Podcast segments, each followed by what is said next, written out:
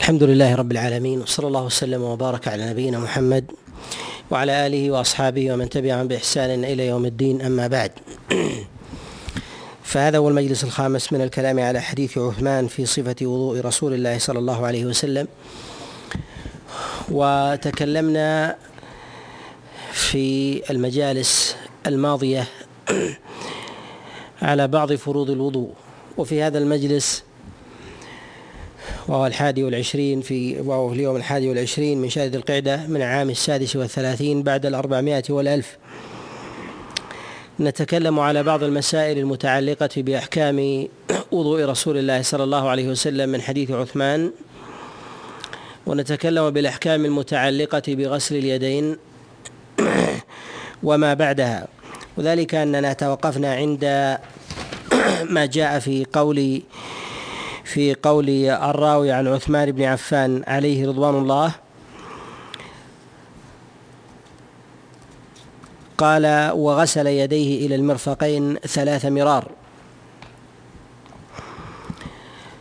غسل اليدين إلى المرفقين هي من فروض الوضوء وذلك لآية المائدة ولا خلاف عند العلماء في ذلك. وفروض الوضوء كما تقدم الإشارة إليه على سبيل الإجمال أن منها ما هو محل إجماع من جهة غسله وهي أربعة وهي ما ذكرها الله سبحانه وتعالى في سورة في سورة المائدة وأن أنها محل اتفاق عند الأئمة من السلف والخلف وإنما يختلفون في بعض صفتها أو بعض أجزائها. وأما ما عداها من فروض الوضوء فيختلفون فيه وذلك مما يتعلق بمسألة المضمضة ومسألة تخليل الأصابع واللحية وغير ذلك من أحكام من أحكام الوضوء. ففروض الوضوء الذي قد اتفق العلماء عليها هي أربعة ونحن هنا في الموضع في الموضع الثاني وهو غسل اليدين. وما تقدم فهي من المسائل آه، منها ما هو فرض كالوجه ومنها ما هو سنة وذلك غسل الكفين والمضمضة والاستنشاق. وما تقدم مما تعلق بهذه المسألة من سنن ومستحبات وآداب عن رسول الله صلى الله عليه وسلم. ولذلك ما يتعلق بمسح الرأس ثم غسل غسل القدمين. فهي فهي أربعة. ولا يختلف العلماء في وجوب غسل اليدين غسل اليدين إلى المرفقين. تقدم عن الإشارة في مسألة الغسلة الثانية لليد أنه يجب أن تكون أن تكون تامة أن تكون أن تكون تامة وذلك من غسل من أطراف الأصابع إلى إلى المرافق. إلا على قول من قال بأنه يجزي أن يقدم الإنسان شيئا منها في أول وضوئه عند من يرى عدم وجوب الترتيب وذلك الذين يرون جواز غسل الكف ثم أن يتخلل ذلك غسل الوجه ثم يأتي بعد ذلك غسل غسل الذراع إلى إلى المرفقين. فهم حينئذ بناء على أصلهم يجيزون ذلك باعتبار أنه قد تقدم غسل بعض اليد. وجماهير العلماء يجيبون إعادة الغسل لأن الأولى سنة ويردون إلحاق الأولى بالثانية بوجوب الترتيب بوجوب بوجوب الترتيب فيجب عليه أن يغسل أن يغسل يده كاملة وذلك من أطراف الأصابع إلى إلى المرفقين. وإدخال المرفقين في الغسل هو ظاهر فعل رسول الله صلى الله عليه وسلم كما في حديث عثمان هذا. كذلك أيضا في من روى صفة وضوء رسول الله صلى الله عليه وسلم فإنه يذكر المرافق. ومن ذلك ما جاء في صفة وضوء النبي عليه الصلاة والسلام فيما رواه علي بن أبي طالب وفيما رواه عبد الله بن زيد وغيرهما. وكذلك أيضا من كان يروي ذلك من ما كان يروى عنه صفة وضوئه من أصحاب النبي عليه الصلاة والسلام موقوفا عليه فإنه يذكر أيضا إلى المرافق. وجاء ذلك عن بعض الصحابة جاء ذلك عن عبد الله بن عمر وجاء ذلك أيضا عن عبد الله بن عباس وغيره من أصحاب رسول الله صلى الله عليه وسلم. وإذا قلنا بوجوب أن أن يغسل الإنسان يديه إلى المرفقين وأن هذا هو ظاهر العمل وأن هذا هو ظاهر العمل في السنة ولم يثبت عن النبي عليه الصلاة والسلام أنه أخرج المرفقين من غسل اليدين. ولا كذلك أيضا يثبت عن أحد من أصحاب النبي عليه الصلاة والسلام أنه أخرج غسل المرفقين من غسل اليدين. وهذا وهذا من جهة عملهم وهذا من جهة من جهة العمل ولا كذلك أيضا من جهة من جهة الفتيا ولا من جهة الفتية كذلك أيضا التابعون عليهم رحمة الله لم يكونوا يختلفون على على هذه المسألة أن المرفقين يغسلان مع اليدين ويأخذان الحكم سواء. وذلك أن ابن جريج قد سأل آه، عطاء بن أبي رباح عليه رضوان الله تعالى عن ذلك فقال لا شك لا شك بذلك. يعني في أن المرفقين يغسلان ويأخذان في ذلك حكم المغسولات التي قبلها وذلك بغسل اليدين وكذلك أيضا وكذلك أيضا الوجه. إذا علم ذلك بالجزم علم أن إدخال المرفقين في حكم بقية اليد هو محل إجماع عند السلف. وقد حكى الشافعي رحمه الله في كتابه الأمة الإجماع على ذلك أن غسل اليدين أن غسل اليدين يدخل فيه غسل المرفقين. وأما الخلاف في ذلك فإنه نشأ بعد ذلك نشأ بعد بعد ذلك. وقيل إن أول من قال بذلك زفر. وثمت رواية يذكرها بعض الفقهاء من المالكية وكذلك بعض الحنابلة عن أحمد أن له رواية بعدم دخول المرفقين من جهة الوجوب. وأما من جهة الاستحباب والمشروعية فهي محل اتفاق فهي محل اتفاق. فنقول إن الخلاف في ذلك إنما هو متأخر في ظاهر النصوص. في ظاهر النصوص وذلك أن من نظر إلى المرويات التي جاءت عن الصحابة وكذلك أيضا عن التابعين وأتباعهم وجد أنهم لا يختلفون من جهة العمل ولا من جهة الفتيا في في حكم المرفقين ودخولهما ودخولهما في حكم في حكم اليدين من جهه من جهة الغسل. وأن الخلاف إنما طرأ عند من حمل النصوص الشرعية على المعاني اللغوية على المعاني اللغوية. وذلك أن الله عز وجل يقول أيديكم إلى المرافق. قالوا وإلى هي دليل على الغاية. والغاية النهاية ولا يدخل ولا تدخل الغاية في حكم ولا تدخل الغاية في حكم ما انتهى إليه إلا بدليل ونص. قالوا والنبي عليه الصلاة والسلام ثبت عنه أنه غسل يديه ولم يأمر عليه الصلاة والسلام التخصيص بالمرافق. ونقول إن الرجوع إلى المعاني اللغوية وتعطيل المعاني الشرعية في ذلك يوقع الإنسان في الخروج عن الإجماع وكذلك أيضا في الخروج عن سنة النبي صلى الله عليه وسلم. ومعلوم أن قول الله جل وعلا وكلوا واشربوا وقول الله جل وعلا ثم أتم الصيام إلى الليل. هل الليل يدخل في ذلك؟ يدخل في ذلك من جهة الإمساك؟ قالوا إنه لا يدخل. ولكن نقول إن هذا فسره عمل رسول الله صلى الله عليه وسلم لأنه أمر ب أمر بالمبادرة بالفطر أمر بالمبادرة بالفطر والفطر يكون في أول قدر في أول قدر من الليل في أول قدر من الليل. فهل يكون في أول قدر يبتدئ به المرفق من غير استيعابه يكون في ذلك الإتيان بالسنة؟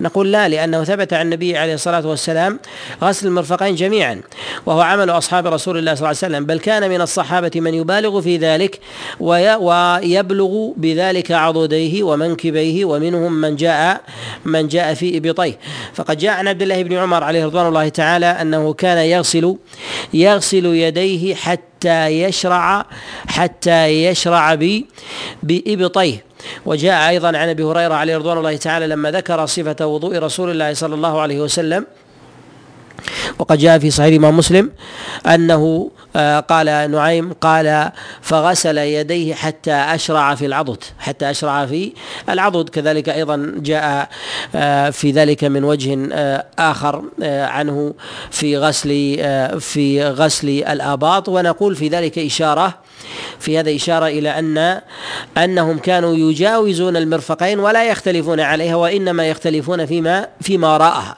وإنما يختلفون فيما وراءها. وعلى هذا نقول إن غسل المرافق فرض كغسل بقية اليد وذلك من الكف والساعد وأن الخلاف بعد ذلك حادث. الخلاف بعد ذلك بعد ذلك حادث.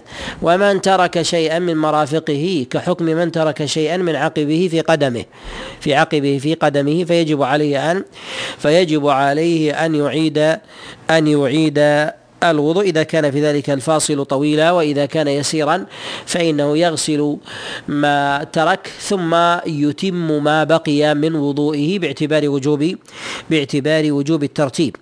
وقوله هنا ويديه إلى المرفقين ثلاث مرار.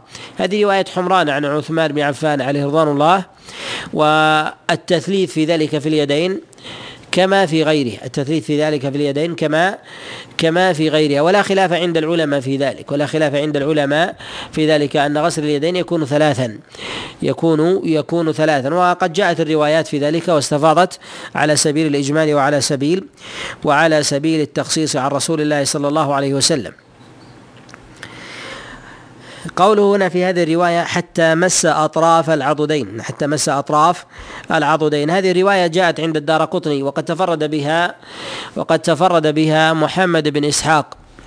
تفرد بها محمد بن إسحاق وخولف في ذلك وقد خولف في ذلك. ثم أيضا إن الطرق إن الطرق لم تتفق عنه بالرواية بذكر العضدين فإنه قد أخرج هذه هذه الرواية الإمام أحمد رحمه الله في كتابه المسند من حديث محمد بن إسحاق ولم يذكر ولم لم يذكر فيها العضدين لم يذكر فيها العضدين فدل على أنها غير محفوظة فدل على أنها غير محفوظة. كذلك أيضا فإن هذا الحديث من هذا الطريق من غير طريق محمد بن إسحاق رواه البخاري رحمه الله من حديث من حديث ابن أبي كثير عن محمد بن إبراهيم.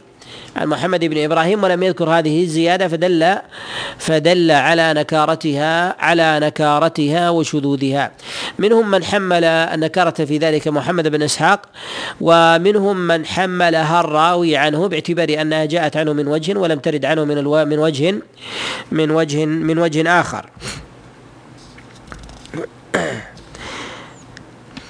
جاء في صحيح الإمام مسلم من حديث أبي هريرة لما توضأ قال الراوي قال فتوضأ حتى أشرع في العضد.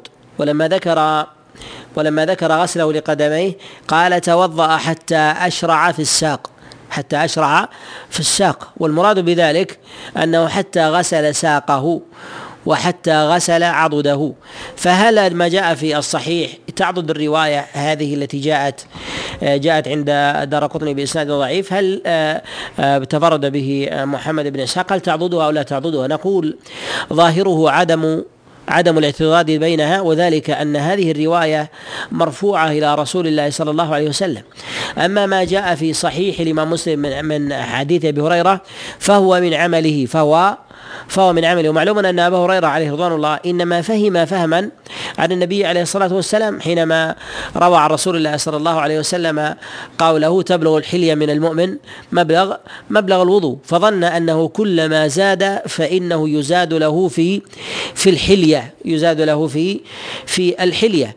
وقد جاء في صحيح الإمام مسلم رواية أنه لما غسل لما غسل عضده آه، قال هكذا رأيت رسول الله صلى الله عليه وسلم. هذه روايه لم ترد في أكثر الطرق التي جاءت عن أبي هريرة عليه رضوان الله تعالى والمعروف عن أبي هريرة أنه فعل ذلك اجتهادا. وقوله هكذا رأيت يقصد بقية صفة الوضوء لا يقصد من ذلك هو آه، شروع ما يقصد لا يقصد شروعه بغسل بغسل عضديه. ويدل على ذلك أن أبا هريرة عليه رضوان الله قد روى عنه غير واحد من أصحابه أنه إنما فعل ذلك اجتهادا أنه إنما فعل ذلك ذلك اجتهادا. كما جاء في رواية فليح بن سليمان لما سأله ورآه يغسل يديه إلى يغسل يديه إلى إلى العضدين. فقال إني أريد أن أن تحسن حليتي.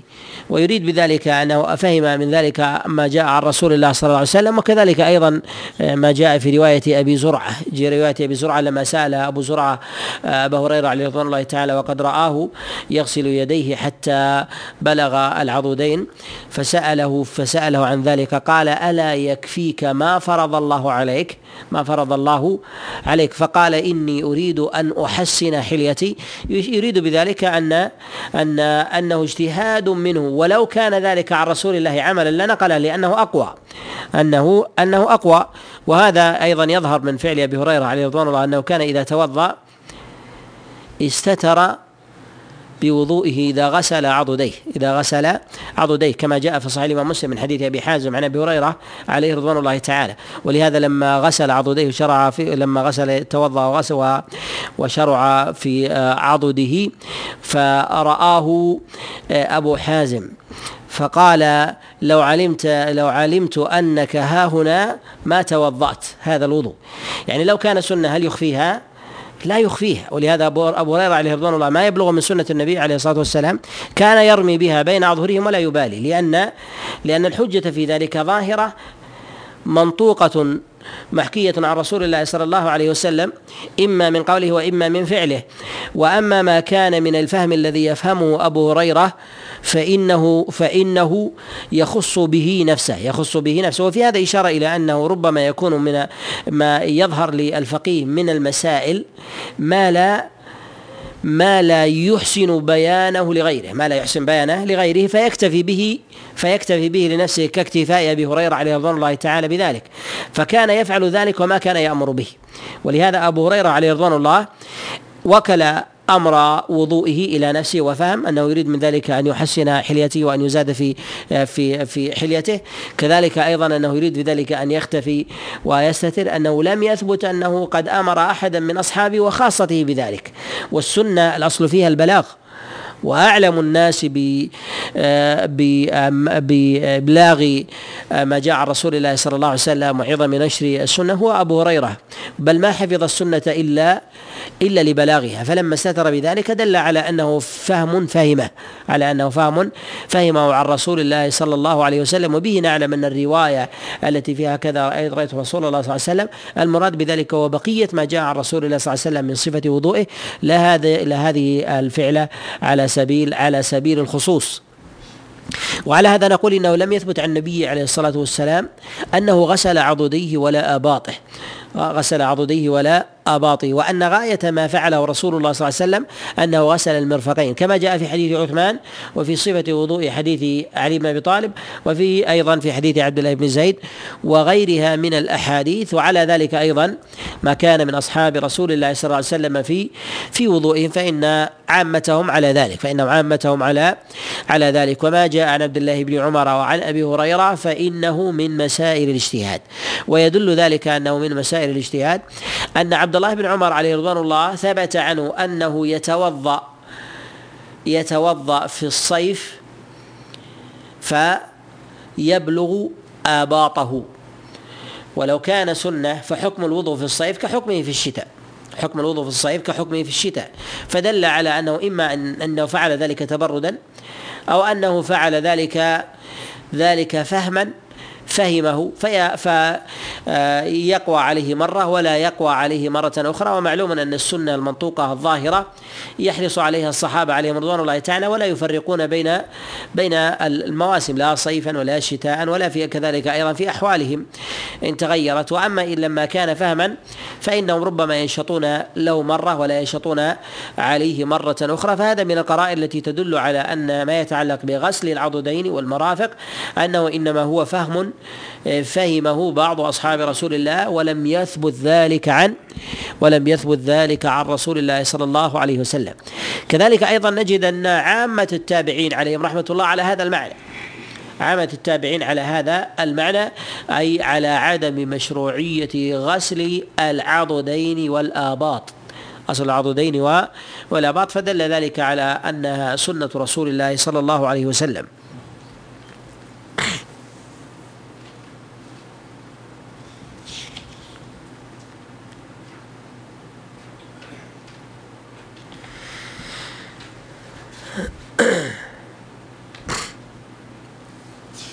جاء في بعض الروايات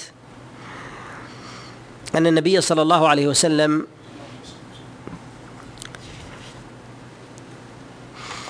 خلل أصابعه.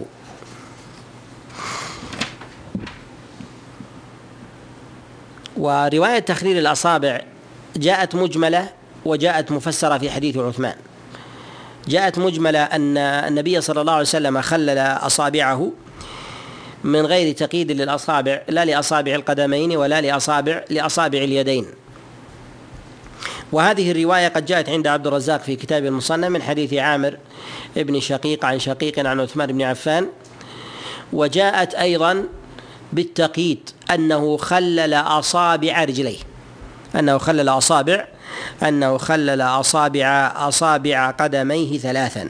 وتخليل أصابع القدمين جاء أيضا من حديث عامر بن شقيق عن أبي وائل وهذه قد أخرجها أخرجها عبد الرزاق في كتابه في كتابه المصنف وجاءت أيضا عند وجاءت أيضا عند عبد الرزاق في كتابه السنن.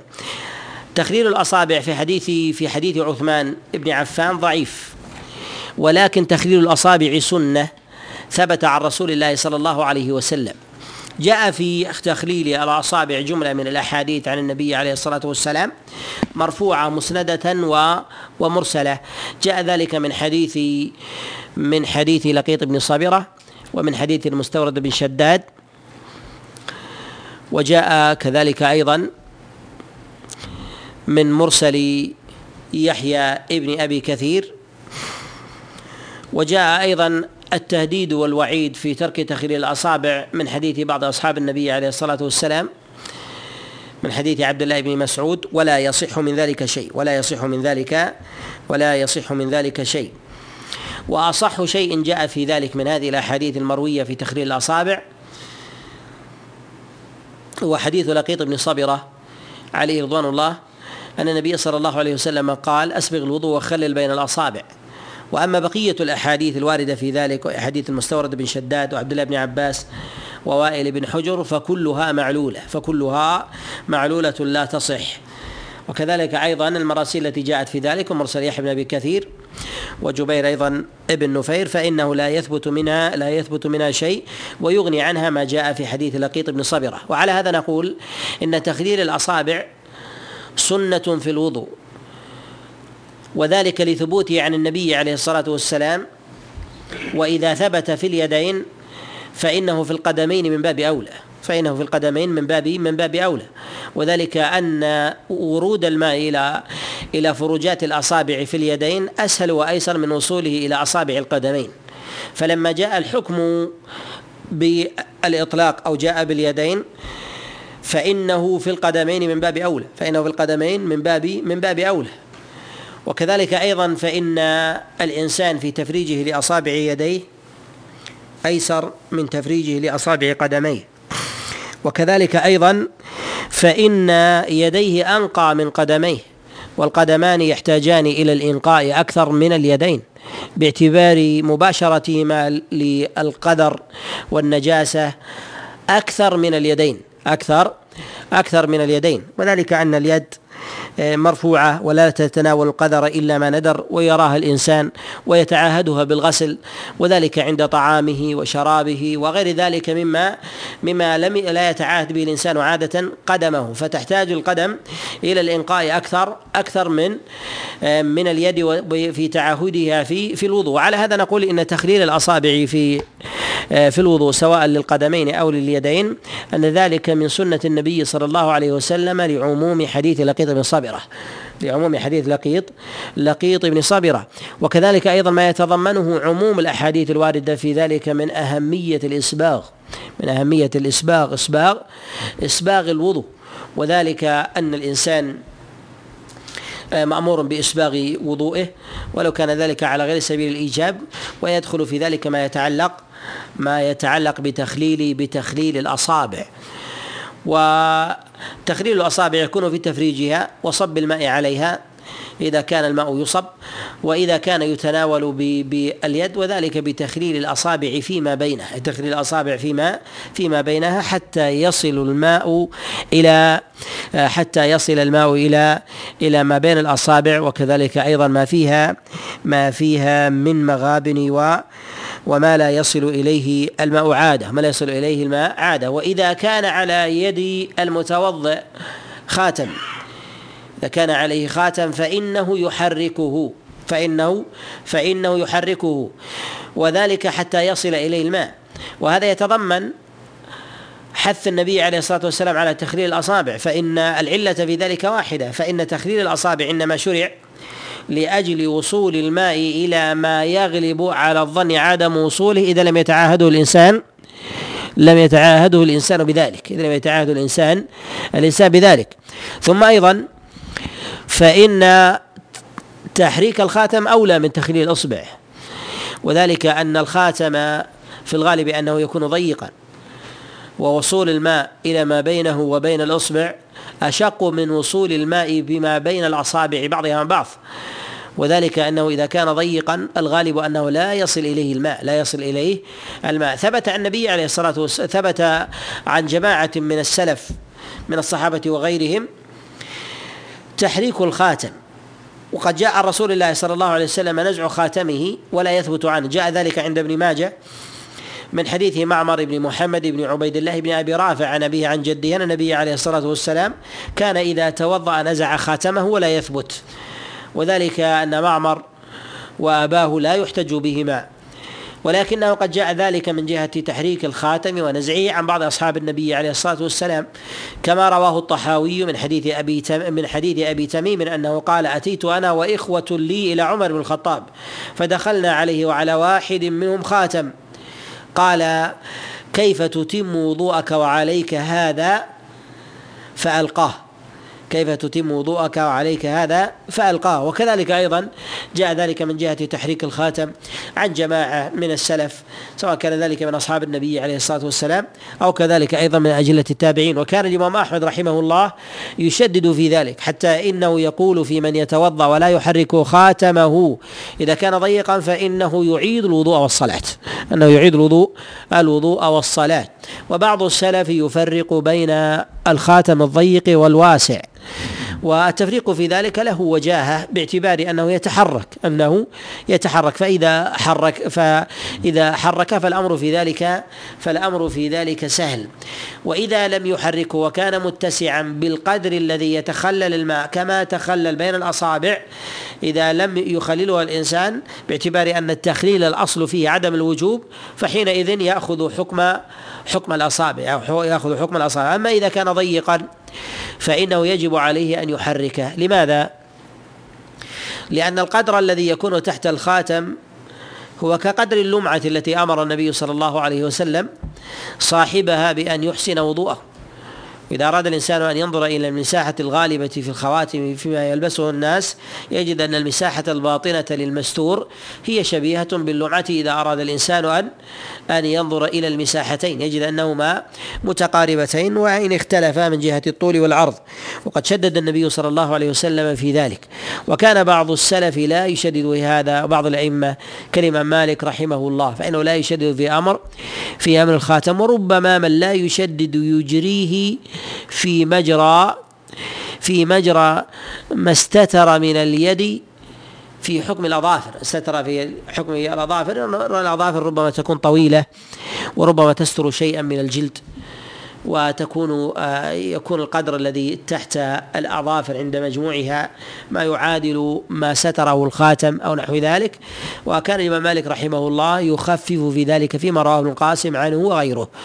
وظواهر ذلك أن النبي عليه الصلاة والسلام لما أمر بتخليل الأصابع وكذلك أيضا في أمر الخليفة الراشد عمر بن الخطاب وما جاء ذلك عن غيره من الصحابة والتابعين دليل على أهمية ذلك دليل على أهمية أهمية ذلك وأنه ينبغي الانسان أن لا يتراخى وأن لا يتوانى الا يتوانى في ذلك.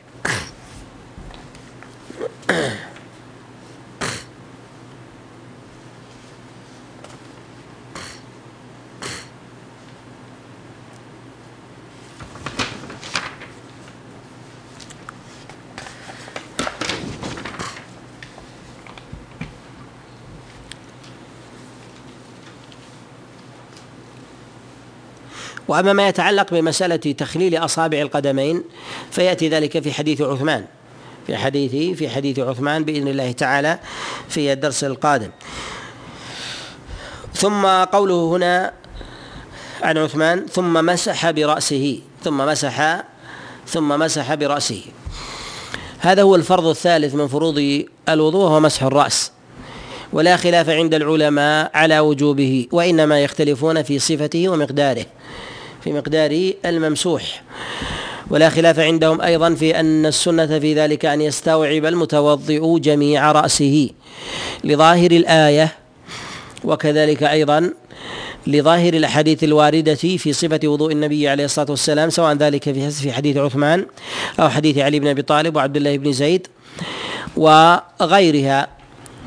وكذلك أيضا ما جاء ذلك عن أصحاب رسول الله صلى الله عليه وسلم فإنهم كانوا يمسحون جميع رؤوسهم في الغالب المروي عنه.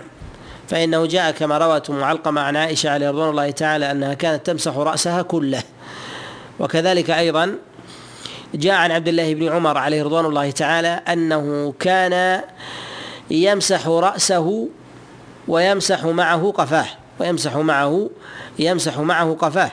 وهذا إشارة إلى أنه استوعب رأسه حتى حتى مضى إلى إلى القفا ومسح القفا. ومعلوم أن النبي عليه الصلاة والسلام فيما جاء في وصف وضوئه أنه عليه الصلاة والسلام بدأ بمقدم رأسه حتى ذهب بهما إلى قفاه، ذهب بهما إلى قفاه ولم يذكر أنه مسح قفاه وإنما ذكر الجهة التي ذهب إليها. وإنما ذكر الجهة التي ذهب إليها.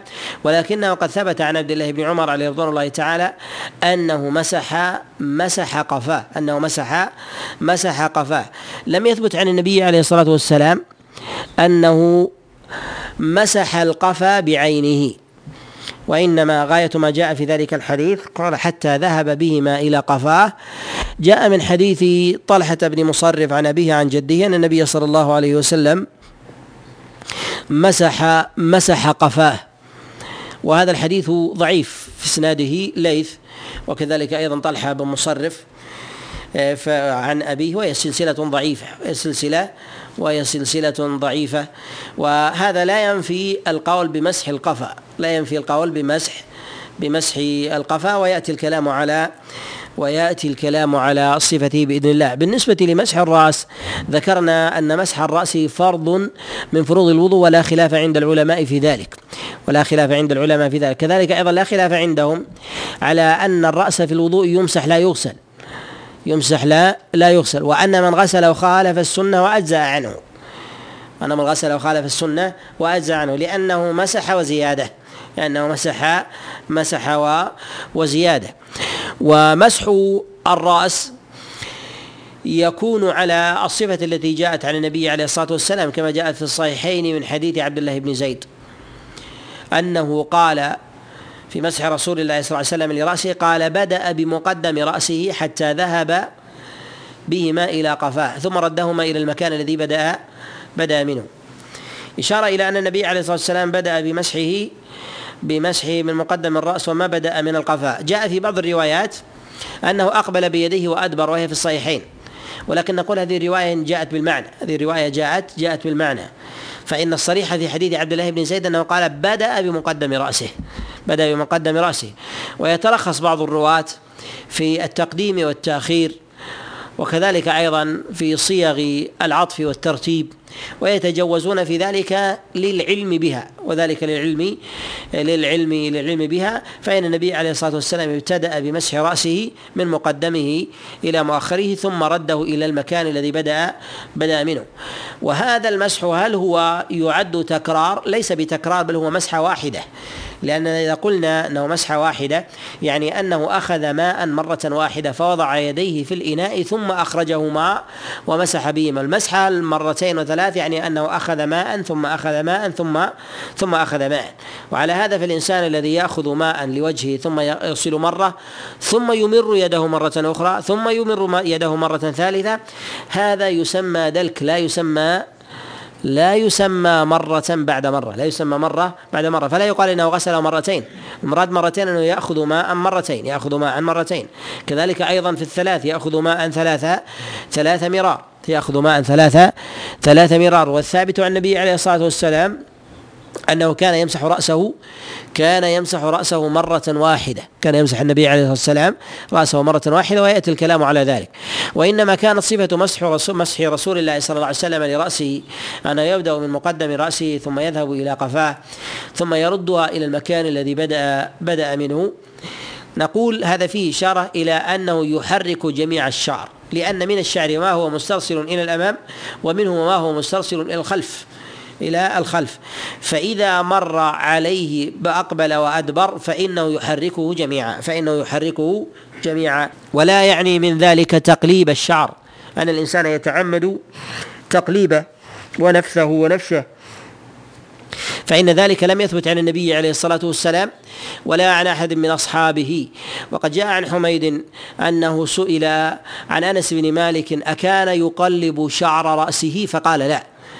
فقال لا يعني أنه لا يتعمد تقليبه ونفشه ونفثه وغير ذلك فهذا فهذا لم يكن متعمدا لم يكن متعمدا فعله لم يكن متعمدا فعله وإنما يمرها مرورا وإنما يمرها مرورا اقبالا وادبارا اقبالا وادبارا.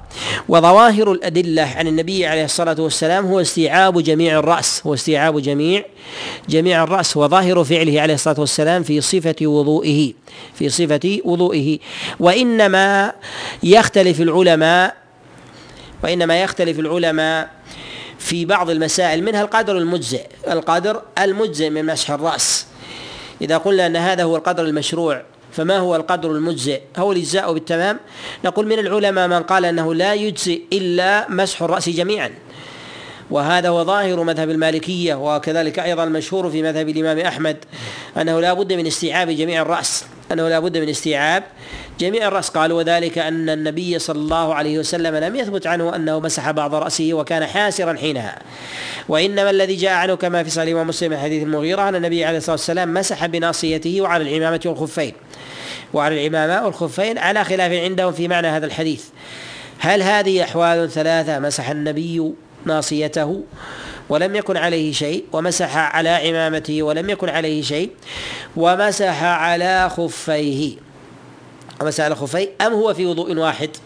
فكانت فكانت ناصيته بارزة فمسح عليها ثم أمر باقي يده على ثم أمر باقي يده على على رأسه. فنقول هذا من المعاني المحتملة وهي من مواضع الخلاف.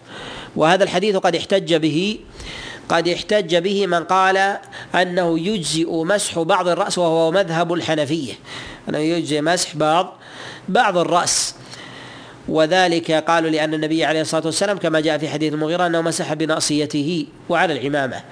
قالوا وهي وهما حالتان منفكتان. قالوا ولو قدر أنهما حاله حالة واحدة فإن النبي عليه الصلاة والسلام ما كان ليجعل المسح على العمامة مجزئا لذاته لأن الحنفية أيضا لا يرون المسح على العمامة لا يرون أن المسح على العمامة وإنما يرون القدر المجزئ بذلك هو المسح على الناصية فلو مسح الناصية ويقدرونها بربع الرأس فهو فهو مجزئ فهو مجزئ.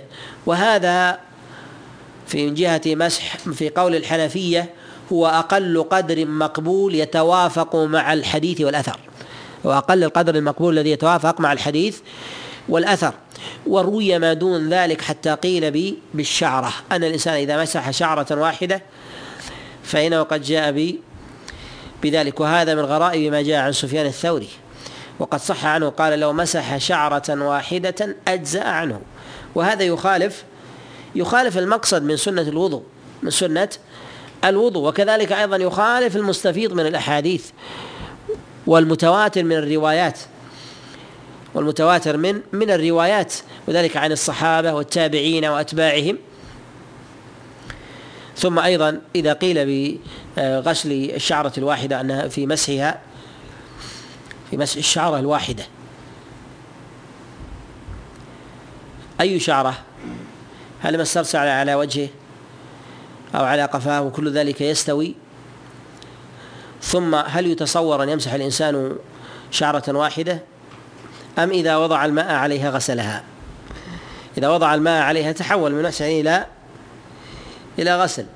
والمسح إنما يتصور في الشعر الكثير في الشعر في الشعر الكثير. فلا يأتي على معنى الآية ولا يأتي أيضا كذلك أيضا على معنى على معنى الأثر. على معنى الأثر. وعلى هذا نقول إن هذا إن هذا قول غريب. إن هذا قول قول غريب وأقل ما يتوافق مع النصوص أن يقال بالربع وذلك أنه قد ثبت عن بعض الصحابة مسح بعض الرأس. ثبت ذلك عن عبد الله بن عمر فيما رواه نافع أنه كان يمسح ناصيته وجاء في رواية عنه أنه كان يمسح يافوخه قط يعني يعني وسط رأسه. ومعلوم أن هذا القدر هو أيضا قريب من من الربع وقريب من من الربع. وعلى هذا يحمل ما جاء عن بعض السلف فيما يتعلق بمسألة المسح على العمامة الذين يشترطون مع المسح على العمامة أن يمسح الإنسان على ناصيته أن يمسح الإنسان على على ناصيته معها ثم يمر الماء على على العمامة كما جاء في حديث المغيرة كما جاء في حديث في حديث المغيرة. وكذلك أيضا فإن هذا يفتي به جماعة فإن هذا يفتي به به جماعة من من السلف من التابعين وغيرهم أن الإنسان يجزي أن يمسح بناصيته أن يمسح بناصيته وهذا مروي عن عطاء بن أبي رباح وكذلك أيضا عن الحسن وغيرهم من السلف الصالح وغيرهم من من السلف من السلف الصالح. وبه يقول بعض الأئمة أيضا كالنخعي وغيره. وأما بالنسبة للاصلع فماذا يصنع؟ هل يسقط عنه المسح؟ لا يسقط عنه المسح. لا يسقط عنه المسح بالاتفاق. لماذا؟ لأن الأصل الأصل في في الحكم هو يتعلق بالرأس. يتعلق بالرأس وإنما خفف غسل الرأس لوجود الشعر. وهل يغسل أم يمسح؟ نقول يمسح لأن الحكم خفف فعم الجميع فعم الجميع. وبهذا يفتي عطاء بن أبي رباح رحمه الله ولا مخالف له ولا مخالف ولا مخالف له. وذلك يجري في الحكم أن العضو لا يسقط ما دام صحيحا مقدورا عليه أو على ما فوقه. وذلك كالجبيرة ذلك الجبيرة فإن الإنسان يمسح عليها ولو اختفى العضو. ولا يقال بسقوطه باعتبار عدم رؤيته أو زواله. كذلك أيضا فإن من الصحابة من يكون وكذلك أيضا النبي عليه الصلاة والسلام يكون في بعض الأوقات في رحمك الله في حكم الأصلع وذلك عند الحلق في حج وعمرة. في حكم الأصلع في حج وعمرة. ومعلوم أنهم يحلقون ولا يبقى من شعورهم شيء ولا يبقى من شعورهم من شعورهم شيء. ولم يثبت عن واحد منهم أنه ترك مسح الرأس. ولم يثبت عن واحد منهم أنه ترك مسح الرأس. وعلى هذا نقول بأن مسح الرأس لا يسقط عن الأصلع ولا عن الأشعر وغيرهم ما دام العضو مقدورا عليه. وأما آه، إذا كان الإنسان لا يستطيع غسله فإنه يتحول إلى إلى مسحه كاليد إذا كان لا يستطيع الإنسان غسلها وكذلك القدم فإنه يمسح كذلك أيضا الوجه المحروق أو فيه أمراض ونحو ذلك فلا يستطيع الإنسان غسله فإنه يمسحه على على على استطاعة وما دام العضو موجودا فإنه لا يسقط ولا يسقط العضو إلا بفقده كالإصبع واليد المبتورة والقدم وغير ذلك. فإنه حينئذ يقال يقال برفع برفع الحرج عن العضو المفقود بعينه ويتم ويكون الوضوء صحيحا بما بما وجد من أعضائه. ولا ينتقل إلى التيمم لمجرد فقد عضو لمجرد فقد فقد عضو من من الأعضاء. هنا قال ومسح براسه ومسح برأسه ثلاثا. مسح الرأس ثلاثا جاء في حديث عثمان ولا يثبت. جاء في حديث عثمان ولا يثبت وذلك أنه قد رواه الإمام أحمد في كتاب المسند من حديث ابن دار مولى عثمان بن عفان. عن عثمان بن عفان. وابن دارة لا تعرف حاله. وابن دارة لا تعرف لا تعرف حاله. وقد جاء في حديث عثمان بن عفان مسح الرأس ثلاثا من طرق متعددة لا يثبت منها شيء. لا يثبت منها لا يثبت منها شيء. منها أنه جاء عند أبي داود من حديث عبد الرحمن بن وردان عن أبي سلمة عن حمران وابن وردان سيء الحفظ وحديثه وحديثه ضعيف وحديثه ضعيف. وكذلك أيضا قد جاء عند الدار قطني من حديث آه، ابن البيلماني عن أبيه. وكذلك أيضا لا لا يحتج به. وجاء أيضا من حديث رجل عن عثمان ابن عفان وفي إسناده وفي إسناده جهالة.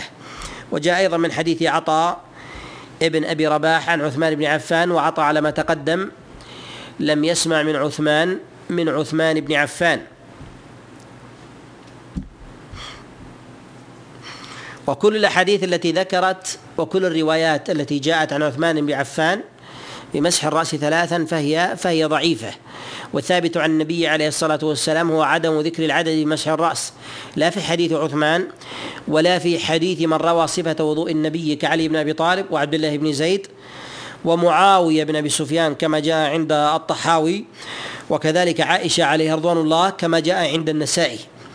فإنهم ما ذكروا ما ذكروا العدد في في مسح الرأس في صفة وضوء رسول الله صلى الله عليه وسلم.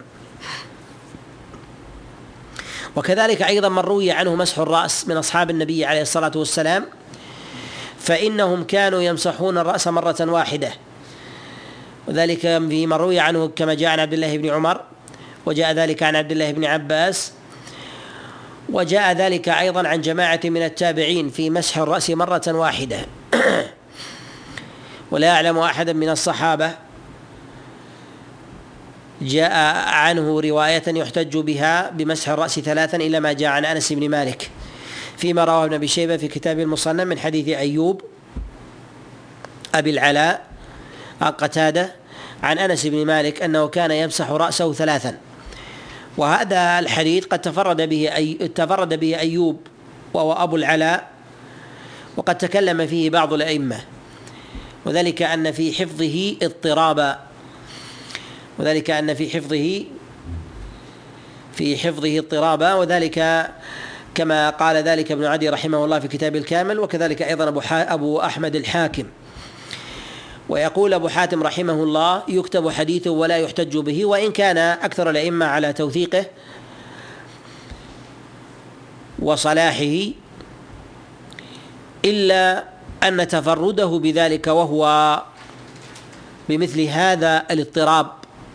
ولين الحفظ. أمارة على على نكارة روايته خاصة أنه يروي عن رجل من ألصق الناس بأصحاب النبي عليه الصلاة والسلام. وقد خدم النبي عشر سنين. ومن ذلك ما يتعلق بطهوره ووضوئه وهو أبصر الناس بذلك. ولا يمكن أن يخرج مثل أنس بن مالك الذي رأى النبي عليه الصلاة والسلام واستفاض عنه مثل مثل ذلك. ومثل هذه الرواية رواية غريبة أن يتفرد بها مثل أيوب عن مثل قتادة. ثم أيضا قد عمر أنس بن مالك ولم يروي عنه أحد من أصحابه ذلك إلا إلا قتادة عليه رحمة الله مع جلالة قدره إلا أن النكارة من من طريق أيوب عنه في رواية لأن هذا أيضا مما مما يستنكر. ومثل ذلك لو روي عن أنس بن مالك من وجه يصح لاستفاض وتناقله الكبار من أصحابه لتناقله الكبار الكبار من أصحابه. وعلى هذا نقول إن عامة الصحابة عليهم رضوان الله ما كانوا يمسحون الرأس إلا مرة واحدة إلا مرة مرة واحدة. وقد جاء وقد جاء عن عن بعض السلف. المسح ثلاثا جاء عن عطاء بن أبي رباح ولكن عطاء كان يمسح بكف واحدة يعني أنه يأخذ الماء ثم يمر يده ثلاث مرات مرات. ويدل ذلك أنه إنما فهم ذلك اجتهادا قال ولا اوجبه على أحد. ولا اوجبه على على أحد لأنه لو كان لديه أثر عن النبي عليه الصلاة والسلام لنقله. ثم أيضا إن هذا هو أخف من القول بثلاث غسلات أو ثلاث مسحات وذلك أن الإنسان يأخذ من كف واحدة ثم يمر مرة ومرتين وثلاث فالأمر في ذلك أهون وأيسر. المراد بذلك هو أن يأخذ الماء ثلاث مرار فهذا لم يثبت عن النبي عليه الصلاة والسلام ولا عن أحد من أصحابه إلا ما تقدم عن أنس بن مالك وتقدم الإشارة الإشارة إليه. جاء عن بعضهم كما روى عطاء بن السائب عن سعيد بن جبير وميسرة وزادان أنهم كانوا يمسحون رؤوسهم أنهم كانوا يمسحون رؤوسهم ثلاثا. وهذا وهذا أيضا قد تكلم فيه لحال عطاء بن السائب فإنه قد وصفه شعبة ابن الحجاج بأنه ينسى بأنه بأنه ينسى وكذلك أيضا في رواية اضطراب هذا وإن كان روى هذه الرواية عمن رآهم وشهدهم فربما تقادم به العهد فروى فروى ذلك مما مما نسي. وهؤلاء أيضا منهم من هو فقيه آه، كبير آه، قد أدرك جملة من الفقهاء من فقهاء أصحاب النبي عليه الصلاة والسلام ومنهم من دون ما كان دون دون ذلك. وجاء كذلك أيضا قد روى العوام عن إبراهيم التيمي أنه كان يمسح ثلاثا أنه كان يمسح يمسح ثلاثا. والمسح ثلاثا صح متاخرا. المسح ثلاثا صح متاخرا ولم يكن في في الصدر الأول. ولم يكن في الصدر في الصدر الأول ومع كثرة روايات صفة وضوء النبي عليه الصلاة والسلام من حديث عثمان وعلي بن أبي طالب وعبد الله بن زيد وأبي هريرة وعائشة ومعاوية وعبد الله بن عباس إلا أنه لم يثبت عن النبي عليه الصلاة والسلام من طريق واحد منها أن رسول الله صلى الله عليه وسلم مسح رأسه ثلاثة والاحاديث الواردة في ذلك ضعيفة. الحديث الواردة في ذلك ضعيفة جاءت في بعض آه، الأحاديث ولا يصح منها ولا يصح منها منها شيء. وفي الرواية هنا في التي تليها قال ثم أدخل يده فأخذ ماء فمسح برأسه. فمسح فمسح برأسه. في هذا إشارة إلى أنه يستحب أن يأخذ الإنسان ماء لرأسه جديدا. ولو كان ممسوحا بعد مغسول فإن اليد يغلب أن يبقى فيها ماء من العضو السابق وهو اليد. فربما يجد الإنسان فيها بللا ورطوبة فيقول يكتفي بها أن يغسل أن يمسح بها رأسه. نقول السنة أن يأخذ ماء جديدا. السنة أن يأخذ ماء جديدا. وذلك لما ثبت في حديث عبد الله بن زيد عند الإمام مسلم أنه أخذ لرأسه ماء غير فضل يديه. غير فضل فضل يديه. وكذلك أيضا ثبت هذا عن أصحاب رسول الله صلى الله عليه وسلم.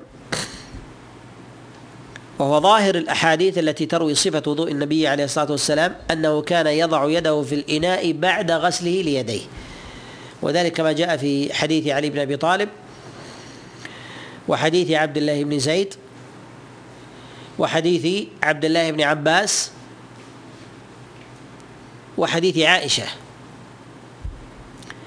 أنه كان يأخذ أنه كان يغمس يده في الإناء ثم ثم يمسح رأسه. والسنة في ظاهر الرواية ألا يقوم بنفض يده ألا يقوم بنفض بنفض يده بعد غمسها بالماء. وقد جاء عن عبد الله بن عمر كما رواه نافع أنه كان يضع كفيه في الماء ولا ينفضهما ويمسح رأسه. وجاء ذلك عن عطاء بن أبي رباح فيما رواه ابن جريج أنه قال ولا أنفضهما يعني بعد غمسهما في في الماء. قد جاء عند أبي داود من حديث هشام بن سعد عن زيد بن أسلم عن عطاء بن يسار عن عبد الله بن عباس عليه رضوان الله أنه ذكر صفة وضوء رسول الله صلى الله عليه وسلم قال ثم قبض قبضة من الماء ثم نفض يده. فمسح رأسه. نقول هذه الكلام فيها من وجهين الوجه الأول من جهة من جهة الإسناد والثاني من جهة المتن. أما من جهة الإسناد فهذا الحديث تفرد به هشام بن سعد وقد تكلم فيه غير واحد من العلماء كيحيى بن معين وابن سعد وغيره. وكذلك أيضا فإن فإنه مما ما تفرد به عطاء بن يسار عن عبد الله بن عباس وأما من جهة المتن فنقول إنه قال قبض قبضة بيده ثم نفضه وقبض القبض لأنه لو لم ينفض يده ولأنه قابض اليد. لاصبح غسلا لم يصبح مسحا. لاصبح غسلا ولم يصبح مسحا. فنقول إن الإنسان إذا غمس يده ويده مفروجة فلا ينفضها. وإذا غمس يده ويده مقبوضة فإنه ينفض الماء لا ينفض يده. وبهذا تجتمع الروايات. لأن في رواية حديث عبد الله بن عباس إن صحت قال قبض قبضة بيده لأنه غرف غرفة. وما قال غمس يده. فإذا غرف غرفة فإنه ينفض ما غرف. ثم يمسح لأنه لو غسلها أو مسحها بما قبض لأصبح غسلا ولم يصبح مسحا وخالف في ذلك الدليل. وقال في ذلك الدليل. وعلى هذا فحديث عبد الله بن عباس على افتراض صحته وسلامة الطريق إليه وصحة اللفظ فإنه لا يخالف في ذلك ما جاء ما جاء عن النبي عليه الصلاة والسلام في ظواهر الأدلة وكذلك أيضا ما ثبت موقوفا عن عبد الله بن عمر وقال به عطاء أنه قال ولا أنفضهما ولا ولا أنفضهما فنقول إن الإنسان يأخذ لرأسه ماء آه، مستقلا جديدا ولا ينفض يده ولا ينفض ولا ينفض يده حتى يتحقق في ذلك في ذلك المسح. وإنما آه، يعضد آه، ذلك ما يتعلق بمسألة أن النبي عليه الصلاة والسلام إنما مسح مسحة واحدة. أن النبي عليه الصلاة والسلام قصد المسح ولم يقصد الغسل لأنه لو تكرر ذلك لأصبح العضو مغسولا لا ممسوحا لأن الإنسان إذا مسح العضو أكثر من مرة تحول من ممسوح إلى مغسول. ولهذا لم يشرع في ذلك العدد. ولهذا لم يشرع في ذلك في ذلك العدد. فنقول في ذلك إنه يمسح مرة واحدة وذلك بماء غير منفوض ثم بعد ذلك يمسح ما ثبت فيه. وأما ما استرسل من شعره وأما ما استرسل من شعره. وهذا يدخل في في المرأة غالبا وفي الرجل نادرا. ما استرسل من الشعر لا حكم له وإنما يمسح ما يمسح رأسه وما كان عليه. يمسح رأسه وما كان عليه. فإذا كان له ضفائر كان شعر المرأة مسترسلا أو شعر الرجل مسترسلا فإنه لا يتبع ما استرسل. وقد كان للنبي عليه الصلاة والسلام جمة وتبلغ شحمة ذنيه ومنها ما ينبغ منكبه ولم يثبت عن النبي عليه الصلاة والسلام أنه مسح ما استرسل من شعره. وعلى هذا كذلك أيضا وعلى هذا كان يجري ظواهر عمل أصحاب رسول الله صلى الله عليه وسلم.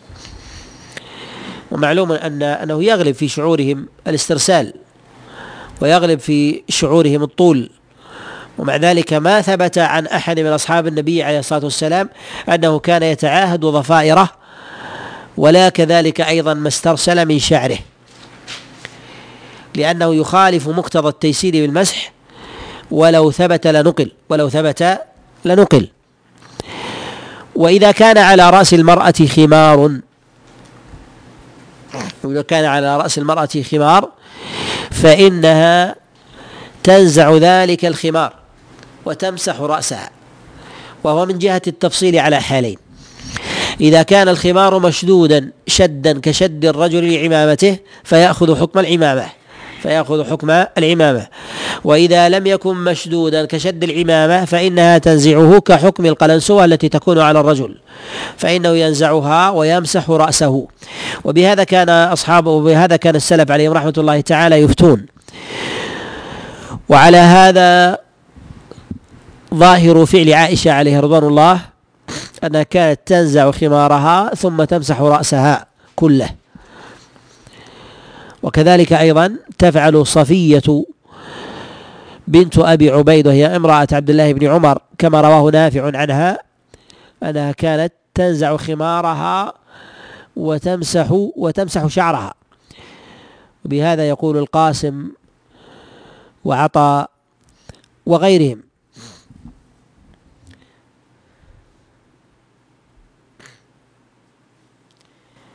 ويرخص لها أن تمسح بعض شعرها. لا جميعه إذا كان عليها الخمار. وذلك للأخذ ما جاء في حديث المغيرة في الصحيح. أن النبي مسح برأسه على بناصيته والعمامة وبهذا أفتى بعض السلف. وبهذا أفتى بعض السلف. أنها تمسح بالناصية وقد جاء ذلك عن وقد جاء ذلك عن بعضهم. من جهة مسح مسح بعض الرأس. وذلك عن فاطمة بنت المنذر وقد أدركت بعض أزواج رسول الله صلى الله عليه وسلم كما رواه عنه هشام رواه رواه عنها هشام وإسناده عنها وإسناده عنها صحيح. فنقول ما يتعلق بذلك أنه يرخص للمرأة أن تمسح بعض بعض شعرها وبعض شعرها المتيسر لها ذلك في موضعين. إما من جهة جانبيها فيجزئ عن بقية شعرها وإما أن يكون بناصيتها فيجزئ أيضا عن بقية شعرها وكل ذلك جاء عن السلف. وكل ذلك جاء عن السلف. وقد كان أبو العالية وهو من علية التابعين قد أدرك الخلفاء يأمر زوجته ويفتيها بذلك. يأمر زوجته ويفتيها بذلك كما رواه أبو خلدة عن أبي العالية كما جاء في في المصنف وغيره. نتوقف عند هذا الحد. و نكمل بإذن الله عز وجل. وربما ننتهي في المجلس القادم. أسأل الله عز وجل لي ولكم التوفيق والسداد والاعانه وأن ينفعنا بما سمعنا وان يجعل حجة لنا لا علينا. وصلى الله وسلم وبارك على نبينا محمد.